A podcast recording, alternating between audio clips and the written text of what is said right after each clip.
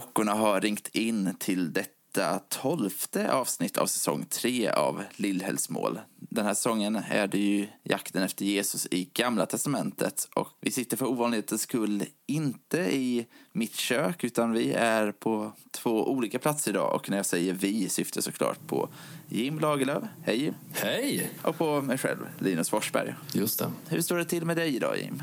Det står faktiskt väldigt bra till. Eh, Jag tror att ehm, det är ju halvdag idag när vi spelar in. Det är ju fredag, ska vi väl säga. Om vi ska vara transparenta för, för en gångs skull. Det, och då är det halvdag. Därför att eh, det är ju då eh, alla helgons dag i svenska kalendern imorgon. Så vi är lite tidiga, tidigt ute. Men vi har ändå siktet inställt på veckan efter här. Men ändå.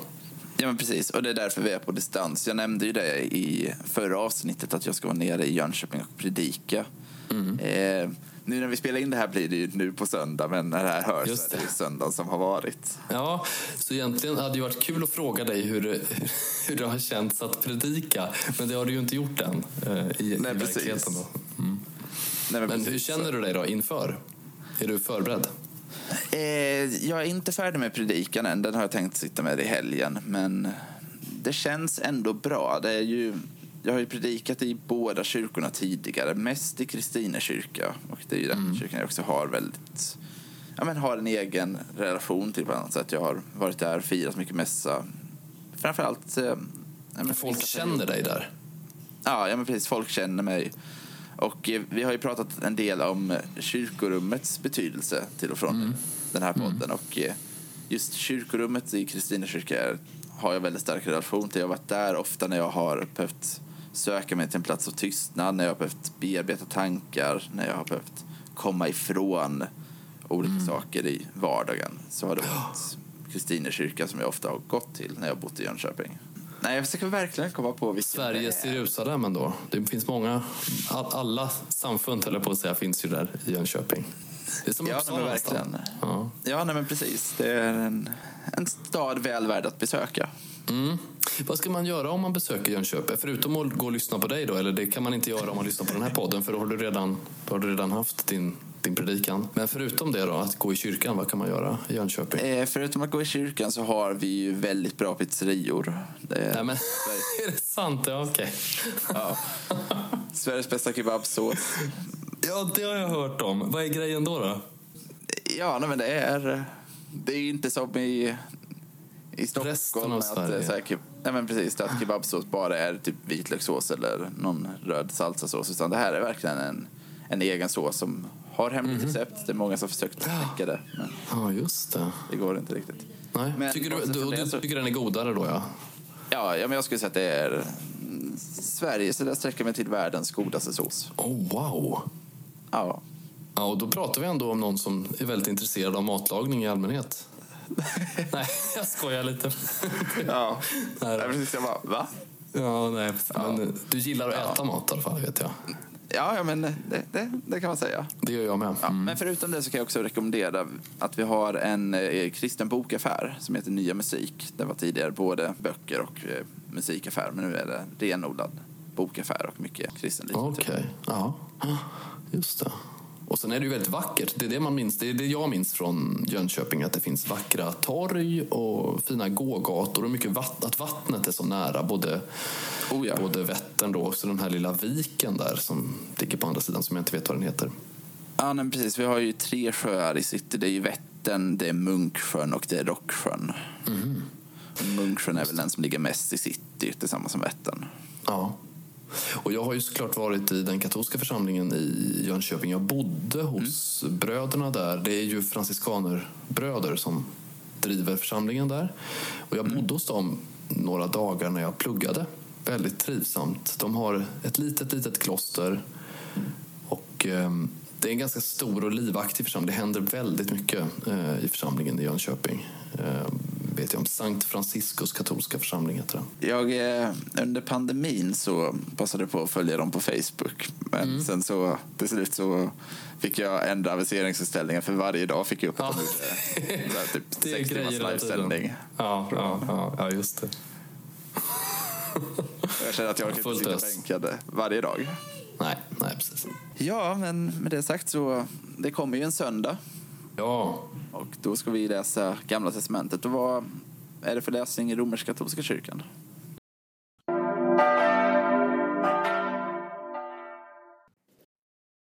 då har vi från Malaki.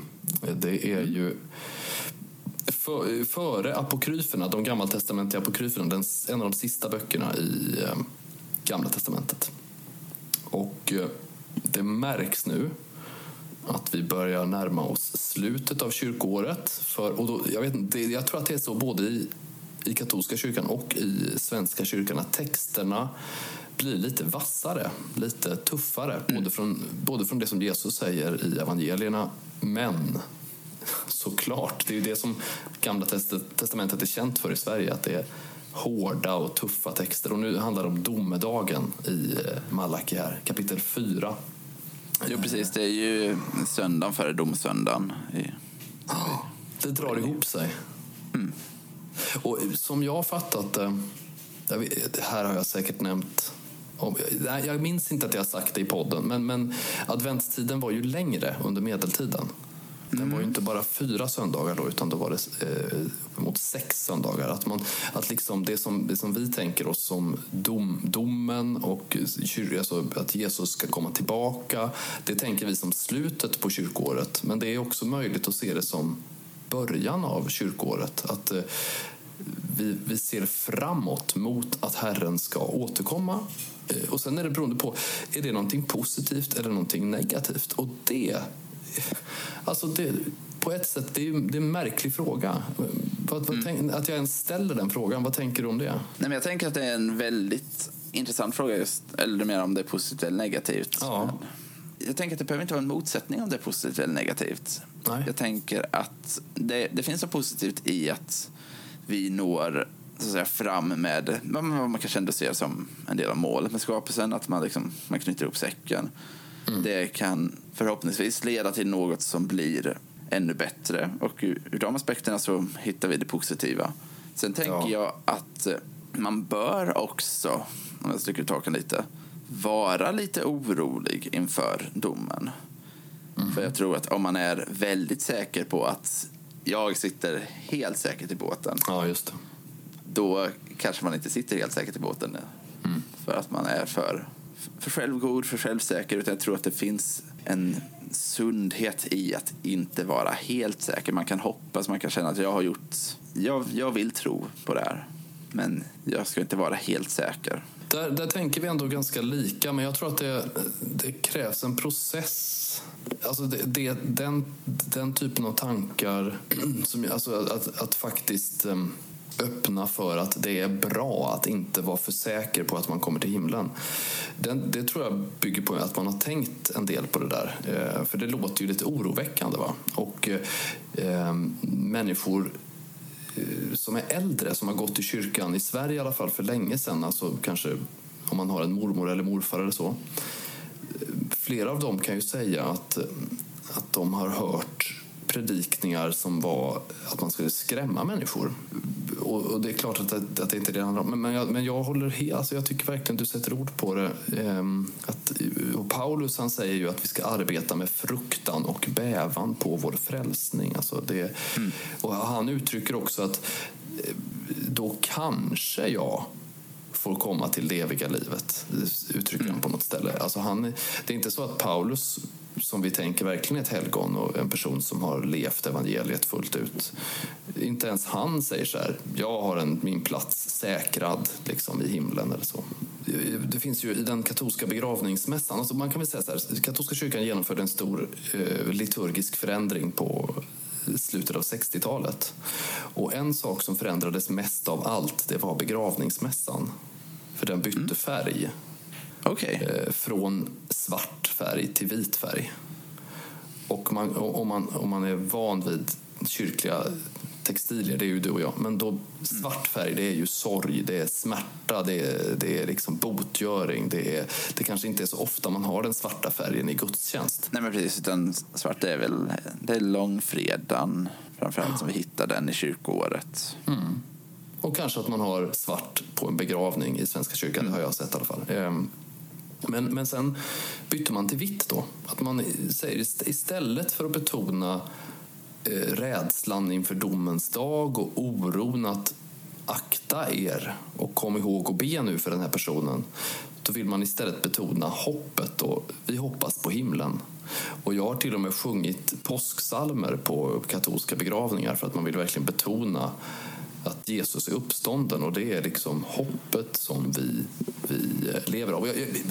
Det är bara då så här att jag känner så här, eh, när man gör en sån drastisk symbolisk förändring mm. som talar så tydligt dagen innan sa vi så här och dagen efter säger vi så här. Då, risken är ju då att man, man, man, det är ju som du säger, kan det inte få vara lite av både och? Mm. För det är klart att å ena sidan döden är sorglig. Det är ingen som säger något annat om en älskad person dör. Och dessutom aspekten, den sista dagen beskrivs ju i skriften, både i Nya och Gamla testamentet, som en dag som är liksom inte bara rosenskimrande och mysig utan då är det liksom verkligen dom och det är det rättvisa för dem som har råkat illa ut och det är kanske då straff för dem som ska få ett straff. Alltså Jesus har, det finns ju den här texten som ibland läses på dom, domsöndagen just när Jesus skiljer getterna och fåren åt och sådär. Alltså det, det är ändå, vi kan inte låtsas som att de texterna inte finns. Å andra sidan, det är en stor glädje det kommer bli rättvisa, rättfärdighet, Guds rike kommer bli uppenbart. och så där. Men den här dubbelheten, jag tror man, man, får inte komma, man ska inte ta sig undan eller gå bort från den utan man behöver, man behöver leva i dubbelheten. Nej, men jag, jag sitter och tänker på exakt samma sak. Att, eh, jag tror att vi vill som, eh, som kyrka vara väldigt tydliga och då vill vi egentligen fokusera kanske på ett budskap. Som säger, antingen var det tydligt att nu är det begravning, nu är det sorg eller så vill man flytta mm. in, över till att nu blir det glädjen, nu blir det hoppet. Mm. Mm. Men som du är inne på också där, att just våga dubbelheten. Att vara tydlig med att det är inte i det här fallet väldigt talande, inte bara svart eller vitt utan här är det, får det verkligen vara både svart och vitt i begravningen. Mm. Ja. Att det måste finnas ett utrymme för sorgen men det måste också finnas ett utrymme för, för hoppet. Jag minns en vän som hade en nära anhörig som gick bort. Och som den här vännen också eh, men kristen siktar mot en prästtjänst i, i annat, annat sammanhang än, än mitt eget. Mm, mm, mm. Den ville verkligen inte ge något utrymme för sorgen. I alla fall inte utåt sett. Utan Nej. det var bara att men, nu är jag väldigt glad för den här personens skull. Att nu, nu får den här återförenas med Gud. Och det är mm. jättebra att den har hoppet. Men, men för mig skavde lite också att, ja, men, har du ingen sorg i det här? Ingen, ingen saknad? Ja, just det. det kändes som att den just bara gjorde en betoning. Jag minns en, en, barnens bibel som jag såg någon gång. Jag tror det var när jag läste Svenska kyrkans grundkurs i, i Värmland på folkhögskola. Och då var det berättelsen om Kain och Abel. Och att då. Kain mördar Abel. Och då var det en, en mening som var ungefär Adam och Eva, föräldrarna, de blev väldigt ledsna. Men mm. det behövde de inte vara. Man liksom talade om så där gör ju ofta barnbiblar, de tolkar ju, mm. talar, talar, om vad texten betyder. Och då, tal, man talade om då att nej, du behöver inte vara ledsen när någon du älskar dör. För den är hos Gud. Och jag kan säga så här, det, det brukar just kyrkoherden i Jönköping, då, katolska kyrkoherden i Jönköping, säga Eh, när, när någon säger ja men nu är han hos Gud eller nu är han i himlen, då brukar han säga är du påven eller? Det är väl inte du som bestämmer det?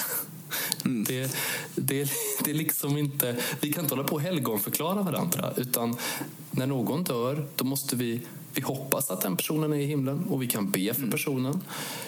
Men vi vet ju inte det. Och vi har, inte fått, eh, vi har inte fått veta att eh, den eller den kommer till himlen, den och den kommer inte till himlen. Utan vi måste lämna det i Guds hand. Och mm. det är det Olivier Clément som är en eh, fransk ortodox teolog, han uttrycker det. Kyrkan slutar aldrig be för människor. Hon hoppas alltid att, de, att alla ska få komma till himlen. Men just bönen är ju det att man, man man hoppas och fortsätter hoppas. Man, man tar inte någonting för givet eller man, man räknar inte med det. Nej, men det kanske är det som... Eller du kanske hade förberett något annat, men annars tänker jag att det är ett klokt sätt att leva ut den här texten. Att nej, men, våga leva i dubbelheten. Att i våra böner ta höjd för den här dubbelheten. Att vi, så att säga, ja, men att i både hjärta och hjärna förstå att eh, vi har inte svaret. Det finns ju en jättevacker eh, psalm eh, som heter Sorgen och glädjen, de vandrar tillsammans. Mm. Eh, som ju är jättevanlig vid begravningar i Svenska kyrkan i alla fall. Jag har sjungit den många, många gånger där. Eh, och jag tycker den uttrycker precis det här att eh, det, det, är såklart en stor sorg när någon dör och en, en ovisshet och en liksom, döden kommer nära. En känsla av att döden kommer nära. Samtidigt så hoppet och ljuset i tunneln längtan efter det eviga livet, det fullödiga livet, det, mm. det finns där samtidigt. Just samtidighet, jag tror att det, men jag håller med dig om det. Då. Vi, vi kör på det. Att den här veckan som kommer kan man försöka orka och våga tänka två tankar samtidigt. Inte säga så här, när jag tänker A så får jag inte tänka B. Utan säga så här, det går bra för mig. Att försöka härbärgera två sätt att tänka som inte utesluter varandra samtidigt. Mm.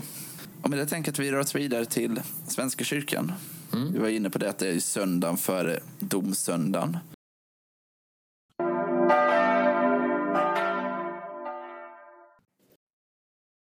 Och det är, vi läser från Jesaja 51, verserna 4 till 6. Och eh, som du var inne på, vi kommer ju vara i samma sfär och röra oss nu ett antal veckor. Att det, här, det här är en del av Herrens löfte till Israel. Där Herren berättar att han eh, ger lagen för att den ska vara till hjälp för människor och att människan ska leva, leva livet med blicken fäst mot himlen. Det roliga, jag har tänkt ganska mycket på det här temat den, den senaste veckan. Jag, eh, jag tror jag nämnde det för ganska många veckor sedan att jag den här hösten bland annat läser en kurs om bergspredikan. Och då skrev jag nu en inlämning om eh, första kapitlet, kapitel 5. Där har har vi fått resonera mycket kring frågan om Jesus eh, skärper lagen eller om Jesus inte skärper lagen.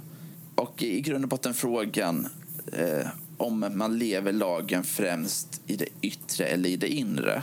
Det vet vi. Okay. Det har vi också resonerat kring tidigare i den här mm. podden. Mm. Mm. Att, så att säga, om det ser ut som att du gör allt rätt, om folk uppfattar att du följer lagen, men du själv tror inte på det här utan du gör det mer som en fasad.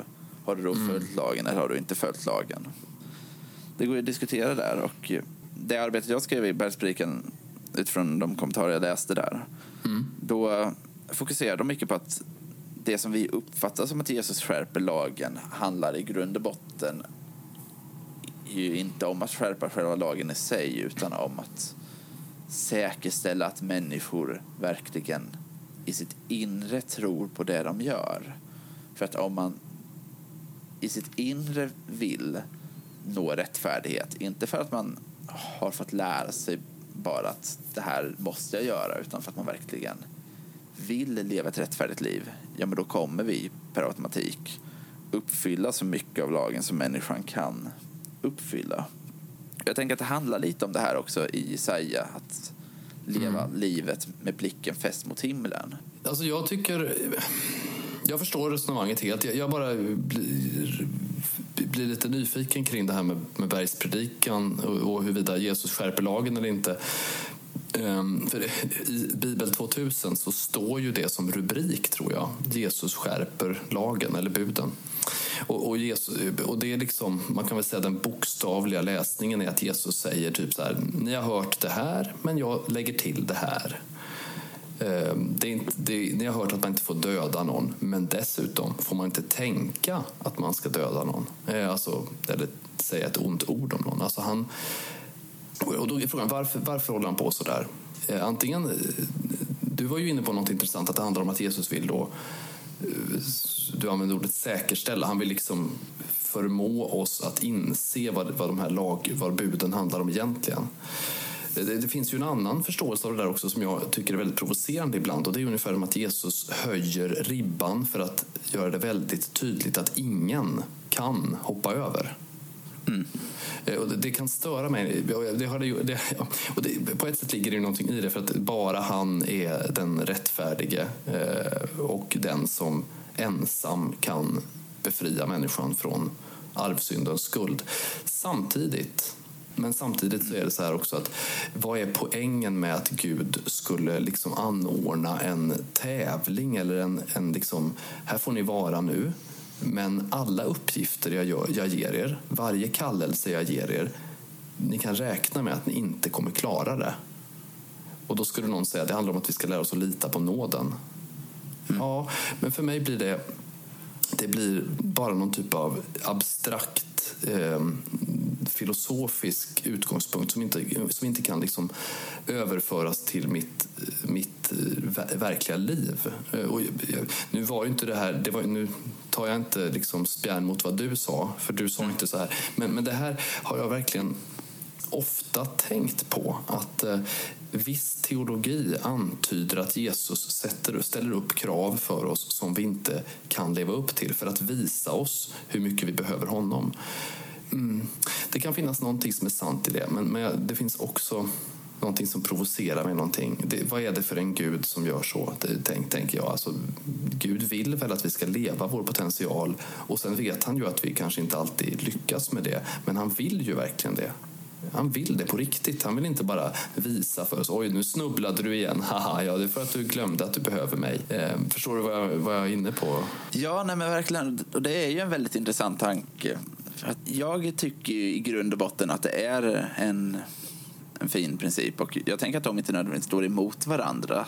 Det här att, lite som vi var inne på, att mm, ja, ja, flera tankar. Just det, att jag just tänker att det är fullt förenligt med både att Jesus så att säga skärper inom citattecken för att egentligen bara mm. få fram det lagen ville.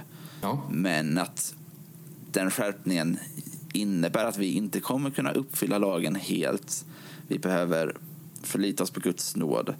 Mm. Men skärpningen innebär åtminstone att vi inte så att säga, bara, bara nöjer oss med det lilla utan vi måste alltid söka det större. Vi måste, jag tänker att det handlar någonstans om att ständigt att vi människor ständigt ska fortsätta vandra. Att vi inte ska stanna upp och känna att nu är jag framme förrän jag faktiskt är framme.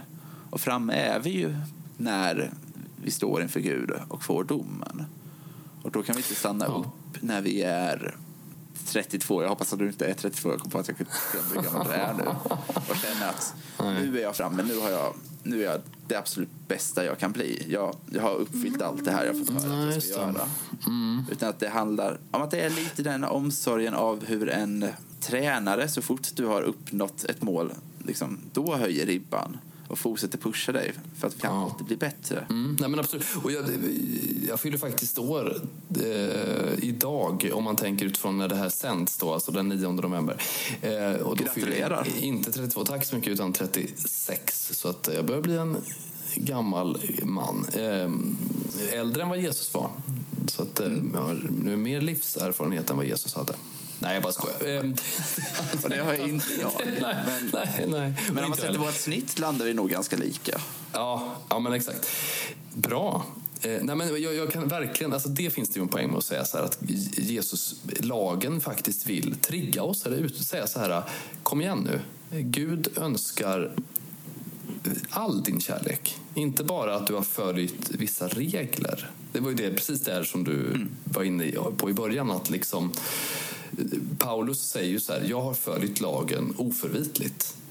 Men han mm. inser liksom att vad, vad, hjälper det att bara ha följt reglerna? Har jag liksom älskat lagen varje dag? Det finns ju den längsta salmen i Saltaren. Det är ju mm. 119. Den handlar ju om kärleken till Guds lag. Eh, och, och, och, den använder så otroliga ord liksom, om hur fantastisk lagen är. Och jag tänker alltid att eller när jag läser den så tänker jag, om jag kände så, om, det där, om, det där, om de där orden bottnade i mig, vem vore jag då? Vore jag mm. mitt bästa jag då? För det är ju inte alltid att man älskar Guds lag. Eh, verkligheten är ju att man ibland inte vill göra det som Gud vill. Att man eh, faktiskt i sitt verk, i sitt görande vill gå bort från Gud. Och visst, man säger, ja, ja, nu, har, nu har jag Gud, tack nu har jag bett min aftonbön, nu kan jag väl få göra någonting annat. Eller nu har jag gjort fyra goda gärningar, kan jag nu inte få göra något roligt istället? Mm. Och Gud säger, Hela ditt väsen ska vara inriktat på att tjäna mig och älska mig och älska din nästa. Det är inte liksom något som du kan bocka av, utan det, det är vad livet handlar om. Där finns ju något så fantastiskt i att vi, att vi har en Gud som faktiskt gång på gång ger oss chansen. Att så här, det, Ja. Och det är ju det vi märker i hela Bibeln, från första boken till sista boken, hur Gud vill att vi ska klara oss, hur Gud vill förbereda oss inför domens dag. För att Gud i grund och botten vill ge oss en god dom. Och Gud lägger ut hjälp efter hjälp och så många gånger som vi inte tar emot den. Och jag tänker att det är lite det vi också märker i eh, när Jesus står hos eh, Pilatus. Att det blir någonstans en tydlig bild av hur Gud säger men jag vill, jag vill frikänna dig. Och eh, Jesus väljer där och då att inte ta emot den hjälpen. Hur det någonstans blir en bild för hela mänsklighetens hela existens. På ett sätt skulle jag kunna säga. Och även trots det, trots att vi säger nej till hjälpen, hur tydlig den än har varit, så ger Gud inte upp på oss. Nej. Utan Gud väljer istället att dö för våran skull. Gud vill att vi ska, som Jesaja skriver, ha blicken riktad mot himlen. Att vi ska förstå vad som kommer, att vi ska fortsätta vandra, att vi inte ska stanna upp. Höga ideal och mycket hjälp från, från vår Gud behövs, så känns det som. Och då tänker jag det här lite hur man ska leva den här texten. Och eh, du var inne på det att det känns lite märkligt så att Gud eh, skulle sätta upp nästan som en form av tävling som vi inte kan lyckas med. Nej, Jag tänker samtidigt att det fina med det här till skillnad från de allra flesta tävlingar som vi är vana vid här på jorden. För att där är vi ju vana vid att ja, men om du och jag tävlar så kommer en av oss vinna, en av oss kommer förlora. I, i regel. Mm, mm. Men eh, räddningen är ju på det sättet inte ett nollsummespel utan du och jag kan ju båda hjälpa varandra till att båda bli räddade. Det finns ingen naturlag som säger att en av oss här måste förlora och en av oss här måste vinna. Det är en bra Vi poäng. kan backa upp varandra. Och jag tänker att det kan ju vara det som är att leva ut den här texten att på något sätt, och det här kan göras på så många olika sätt så att jag vill här inte ens ge ett exempel för att jag vill inte låsa upp det kreativa tanken. Men att stötta någon i ens omgivning är att leva livet lite mer med blicken riktad mot himlen. Nej, men vad fint. Båda, båda kan vinna. Alla kan vinna. Mm. Och det, det är väldigt... Alltså det tror jag också... mm, Det finns ju... Jesus tar ju upp det några gånger att man liksom, det finns de som har blicken på andra och lite så här... Jaha, ska han också få vara med i himlen? Ska han också få vara med på gästabudet? Ska han också få betalt? Eller vad det nu är det handlar om.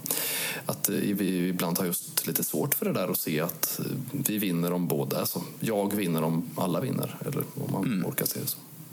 Ja, det är ett bra, bra utgångspunkt tror jag för veckan som kommer här. Novembermörkret. Jo, precis.